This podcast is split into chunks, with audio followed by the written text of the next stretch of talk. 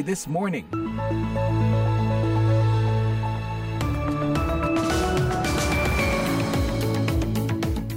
Dari ibu kota Amerika Washington DC, happy morning. Apa kabar pendengar? VOA This Morning kembali hadir untuk Anda pagi ini, Kamis 20 Juli 2023. Laporan utama pagi ini, Presiden Amerika Joe Biden mengatakan bahwa hubungan Amerika dengan Israel tidak bisa dipatahkan.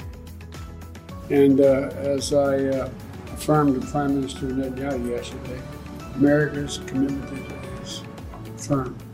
Laporan dari Indonesia, pakar menilai hyperrealitas terjadi di tengah masyarakat terkait kaburnya batas kenyataan dan fantasi.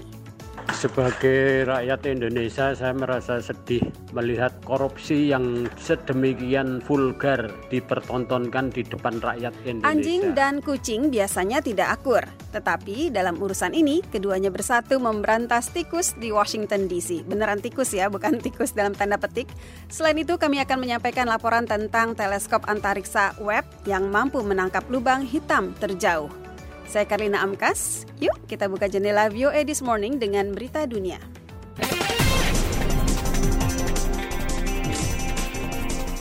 Bertempat di Departemen Luar Negeri Amerika, Menteri Luar Negeri Anthony Blinken bertemu Sekjen Liga Arab Ahmed Abul Giyad Rabu.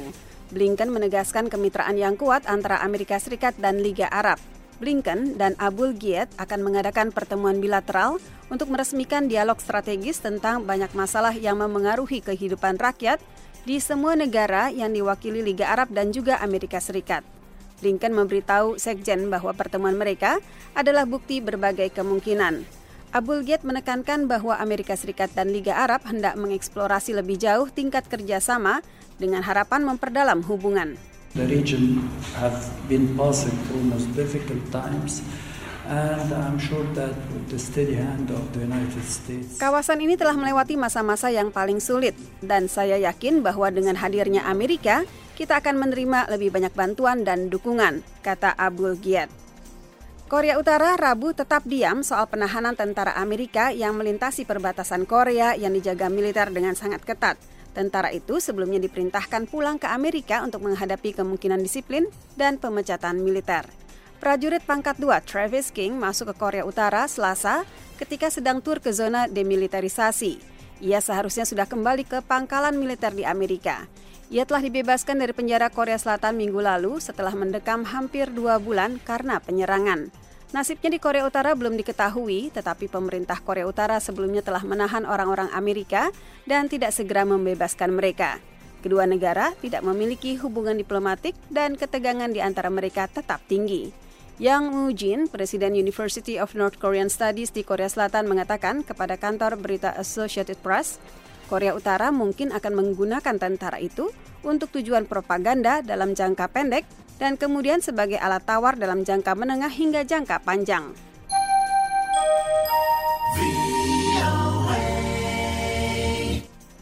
Kepala Dinas Mata-Mata Asing M16 Inggris Richard Moore mengajak Rusia yang tidak puas untuk berbagi rahasia dengan Dinas Intelijen Inggris. Ia menyampaikan itu Rabu dalam pidato publik yang jarang terjadi. I invite them to do what others have already done this past 18 months. Saya mengajak mereka untuk bekerja sama dengan kami seperti yang telah dilakukan negara lain dalam 18 bulan ini. Pintu kami selalu terbuka. Kami akan merespons tawaran bantuan mereka dengan bijak dan profesional menjamin keamanan rahasia mereka. Moore mengatakan Rusia mungkin tergerak untuk bekerja sama dengan M16 karena apa yang disebutnya kebusukan yang tak terhindarkan dari pemerintahan Presiden Rusia Vladimir Putin. Ini, kata Moore, tampak dari pemberontakan kelompok tentara bayaran Wagner pada Juni. Pretoria mendapat kartu bebas penjara, kata analis politik Rabu. Ia menanggapi pengumuman bahwa Presiden Rusia Vladimir Putin tidak akan menghadiri pertemuan puncak kelompok negara berkembang BRICS di Afrika Selatan pada Agustus. Dalam KTT di Johannesburg, Menteri Luar Negeri Sergei Lavrov akan mewakili Rusia bersama para pemimpin dari Brasil, India, Tiongkok, dan Afrika Selatan. Demikian pernyataan dari kantor Presiden. Kalau Putin hadir, Afrika Selatan sebagai tuan rumah KTT akan menghadapi dilema. Secara teoritis, sebagai anggota pengadilan kriminal internasional, negara itu harus menangkap Putin atas dugaan kejahatan perang. The assumption being made is that Russia is is a very strong partner in the BRICS. I think that becomes now part of a Analis kebijakan luar negeri Sanusya Naidu mengatakan asumsinya adalah bahwa Rusia adalah mitra BRICS yang sangat kuat. Menurut saya, itu kini menjadi bagian dari narasi yang berusaha untuk mencoba dan menciptakan semacam dugaan bahwa BRICS melemah. BRICS akan maju terus. Para pemimpin dari enam negara Teluk Arab dan lima negara Asia Tengah Rabu bertemu di Jeddah. Mereka membahas peningkatan hubungan ekonomi dan bilateral. Itu adalah KTT pertama antara negara-negara kerjasama Teluk GCC dan Kazakhstan, Kirgistan, Tajikistan, Turkmenistan, dan Uzbekistan.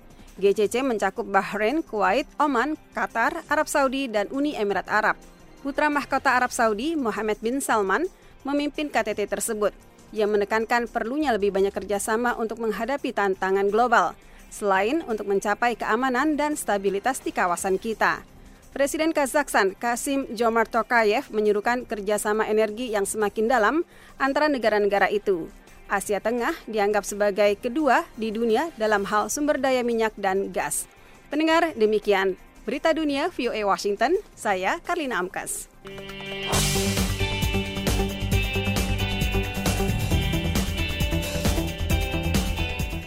VOA This Morning, kini kita beralih ke laporan wartawan. Presiden Amerika Joe Biden mengadakan pertemuan kedua di Gedung Putih dengan pemimpin seremonial moderat Israel, Presiden Isaac Herzog. Mereka membahas berbagai masalah, mencakup peningkatan hubungan Rusia dengan Iran. Keduanya juga membahas normalisasi diplomatik lebih lanjut dengan negara-negara tetangga Israel dan kekhawatiran pemerintahan Biden atas langkah Perdana Menteri Konservatif menuju perubahan sistem peradilan dan perluasan permukiman di tepi barat. Ini adalah kunjungan kedua Presiden Israel Isaac Herzog ke Gedung Putih dalam waktu kurang dari setahun. Kunjungan ini boleh dikatakan mencolok, mengingat Perdana Menteri Israel Benjamin Netanyahu hingga kini belum pernah datang ke kantor oval Gedung Putih untuk menemui Biden. Pada hari Selasa, kedua presiden membahas dasar-dasar dari apa yang menurut Biden sebagai ikatan kedua negara yang tidak dapat dipatahkan. And uh, as I uh, seperti yang saya tegaskan kepada Perdana Menteri Netanyahu kemarin, komitmen Amerika untuk Israel sangat kuat dan kami juga berkomitmen untuk memastikan bahwa Iran tidak pernah memiliki senjata nuklir. Jadi kami punya banyak hal untuk dibicarakan. Herzog juga membahas keprihatinan Biden atas rencana Netanyahu untuk merombak sistem peradilan Israel yang telah menuai protes besar-besaran dari warga Israel yang mengatakan rencana itu mendorong Israel menuju otokrasi. Ini adalah perdebatan yang panas tetapi juga kebajikan dan penghargaan untuk kebesaran demokrasi Israel. Dan izinkan saya mengulangi, jelas sebening kristal bahwa demokrasi Israel sehat, kuat, tangguh kami mengalami rasa sakit. Tapi saya benar-benar percaya dan saya akan mengatakan kepada Anda, Tuan Presiden, seperti yang saya katakan sebagai kepala negara kepada rakyat Israel, bahwa kami harus selalu berusaha untuk menemukan konsensus secara damai. Ketua DPR Kevin McCarthy berpidato di Parlemen Israel pada bulan Mei. Kejadian itu adalah kali pertama dalam 25 tahun seorang ketua DPR Amerika berbicara di depan Knesset Israel dan itu terjadi dalam periode hubungan yang tidak harmonis antara Israel dan pemerintahan Presiden Biden. McCarthy mencatat bahwa satu-satunya presiden Israel lainnya yang berpidato dalam pertemuan gabungan Kongres adalah ayah Herzog, Presiden Chaim Herzog lebih dari 35 tahun yang lalu. Kepresidenan Israel pada umumnya bersifat seremonial yang dimaksudkan untuk berfungsi sebagai kekuatan pemersatu dan kompas moral di negara yang beragam dan sering terpecah belah itu. Beberapa tokoh Partai Republik menuntut pemerintahan Biden untuk tidak ikut campur tangan dalam urusan Israel. Ron DeSantis, gubernur Florida dari Partai Republik yang mencalonkan diri sebagai presiden pada pemilihan presiden 2024 mengatakan, What this Biden administration has done, I think has been disgraceful. Apa yang telah dilakukan pemerintahan Biden ini menurut saya sangat memalukan. Cara mereka memperlakukan sekutu yang kuat seperti Perdana Menteri Netanyahu sangat memalukan. Apa yang mereka coba lakukan, mendorong Israel ke dalam kebijakan yang buruk adalah hal yang memalukan. Biden perlu menghindari itu dan membiarkan Israel mengatur dirinya sendiri. Setelah meninggalkan Gedung Putih, Herzog berbicara di depan sidang gabungan Kongres pada hari Rabu. Dari VOA Washington DC, saya Leonard Triono.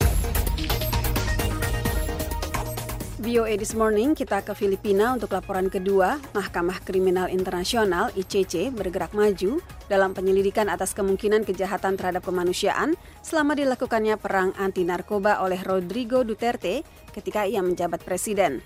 ICC selasa menolak seruan pemerintah Filipina untuk memblokir penyelidikan.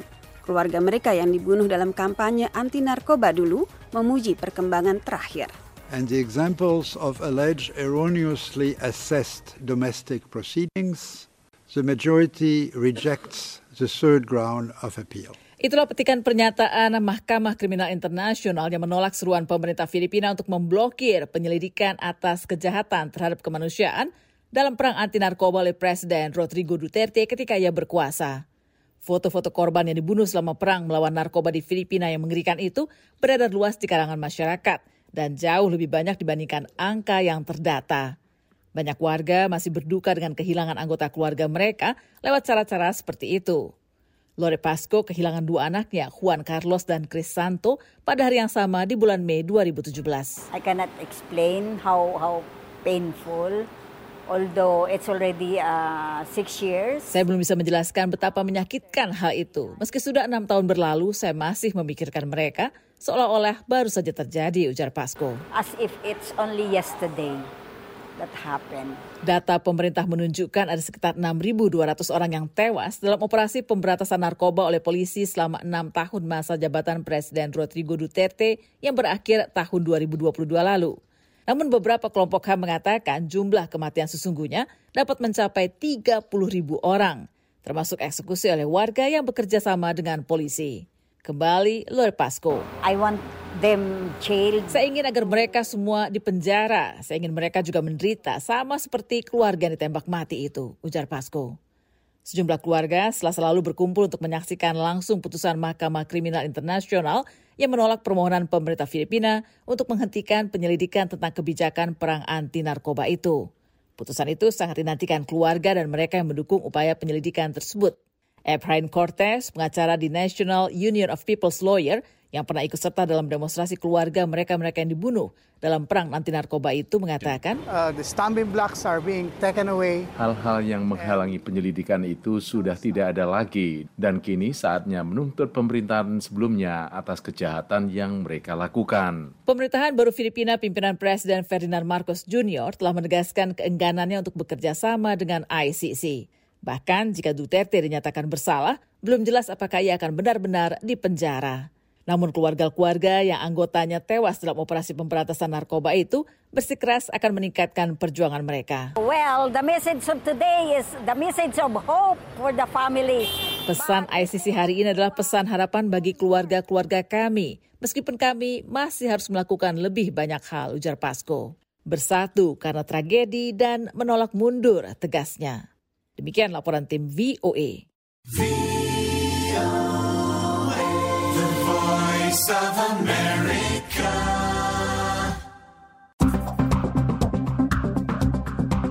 VOA This Morning kita ke Indonesia, seorang pengacara membawa uang 1,8 juta dolar setara 27 miliar rupiah dan menitipkannya ke Kejaksaan Agung. Sebelumnya, KPK mempertontonkan uang 81 miliar rupiah dalam kasus Lukas NMB. Menurut kalangan pakar, hiperrealitas terjadi di tengah masyarakat. Kaburnya batas kenyataan dan fantasi.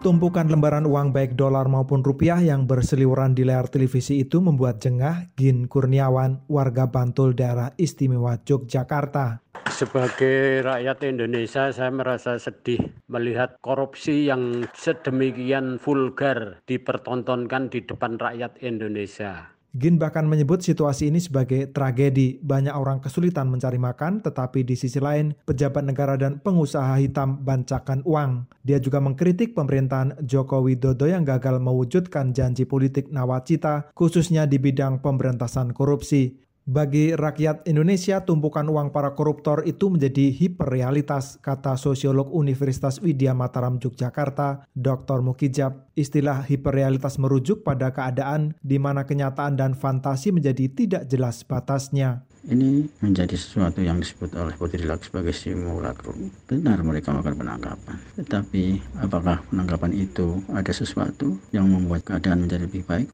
Karena hiperrealitas itu pula masyarakat Indonesia sudah tidak marah, tidak mengamuk, tidak berdemonstrasi, bahkan tidak bereaksi oleh kasus-kasus korupsi bernilai miliaran itu, padahal mereka hanya mampu memegang uang ratusan ribu rupiah dalam sebulan.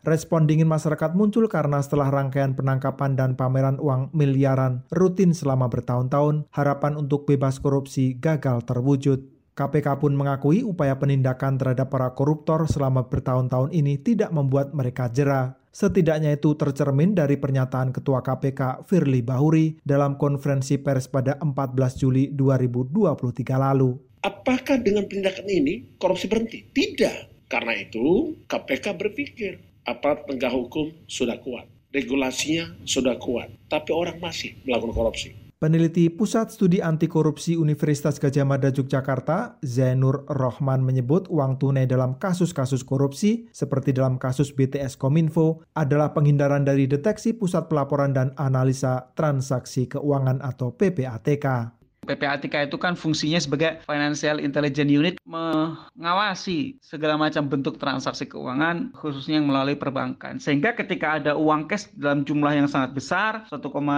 juta dolar itu artinya memang upaya untuk menghindari deteksi dari aparat penegak hukum. Seharusnya kondisi semacam ini menjadi peringatan serius bagi aparat penegak hukum terkait upaya para koruptor mengakali pantauan mereka. Nur Hadi melaporkan untuk VOA Washington.